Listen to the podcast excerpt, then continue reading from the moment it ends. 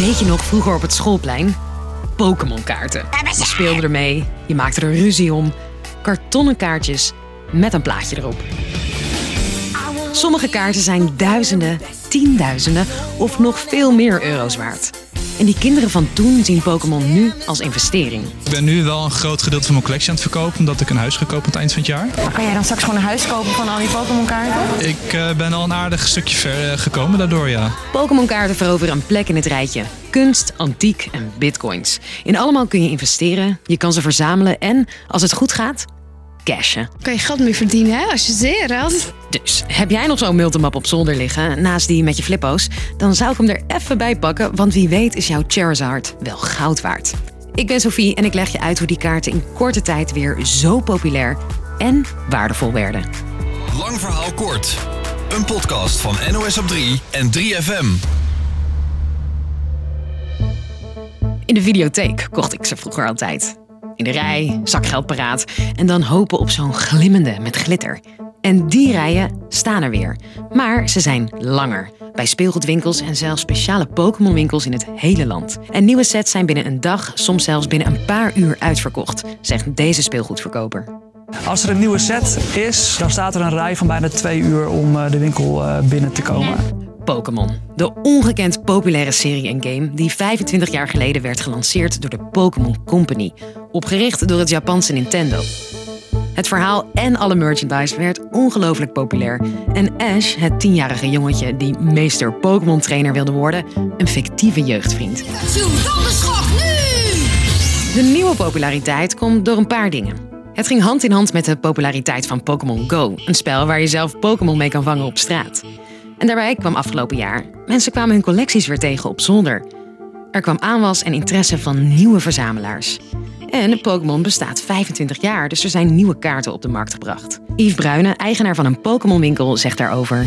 Ja, de Pokémon-wereld en Pokémon-kaarten zijn helemaal ontploft. Het is pompen, pompen, pompen. Elk kaartje er binnenkomt is direct ook weer buiten. Dus uh, iedereen wil Pokémon-kaarten. Als warme broodjes gaan ze, want soms zit er een waardevolle kaart bij. Ik kan het een beetje vergelijken met uh, de cryptowereld. Uh, zoals een bitcoin. Uh, iets inkopen op bijvoorbeeld op een bedrag van 100 en wachten tot die 150 euro staat de box en dan verkopen. En er wordt heel veel ingehandeld in Pokémon. En dus staan Marktplaats en eBay er inmiddels vol mee. En kregen ook wereldsterren interesse. Justin Bieber toonde zijn kaarten, maar ook bekende YouTubers zoals Logan Paul, die live op YouTube pakjes openmaakt voor zijn 23 miljoen volgers. En ja, dat is dan toch best opwindend als je een kaart treft die honderdduizenden euro's waard is. Ja, de Pokepads.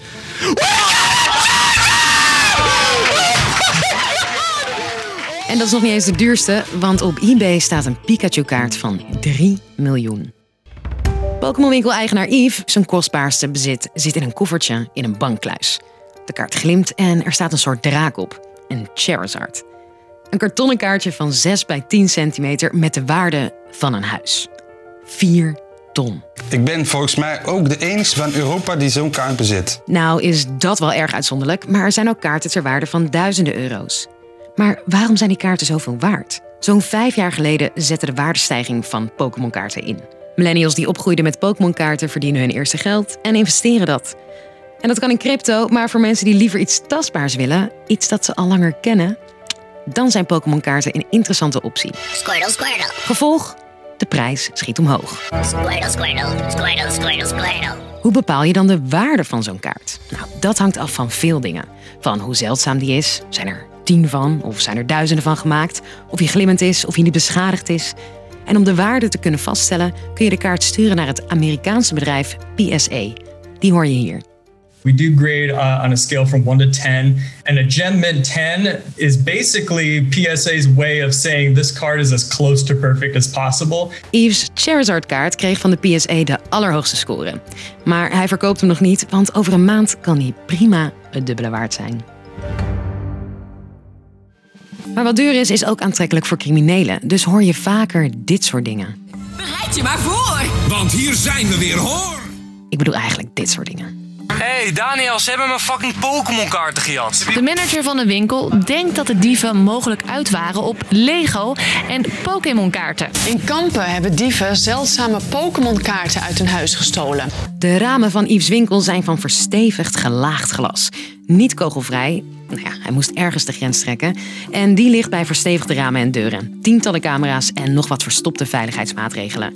En niet zo gek, want winkels en handelaars weten dat criminelen de kaarten ook ontdekt hebben. Dit is een speelgoedwinkel. Een speelgoedwinkel die heel goed beveiligd is. Uh, en dat moet helaas ook wel. Omdat nou ja, er liggen soms best wel interessante producten. En daarmee trek je ook ons mensen aan die misschien uh, minder goede bedoelingen hebben. Dus, lang verhaal kort. Er gaat goed geld om in Pokémon-kaarten, die zich in een paar jaar hebben ontwikkeld tot serieuze handelswaar. Kaarten kunnen een tientje tot tienduizenden euro's waard zijn en heel soms meer. Gotta catch 'em all, zal ik maar zeggen. Morgen zijn we er weer rond de klok van vijf. Dank voor het luisteren en uh, tot dan.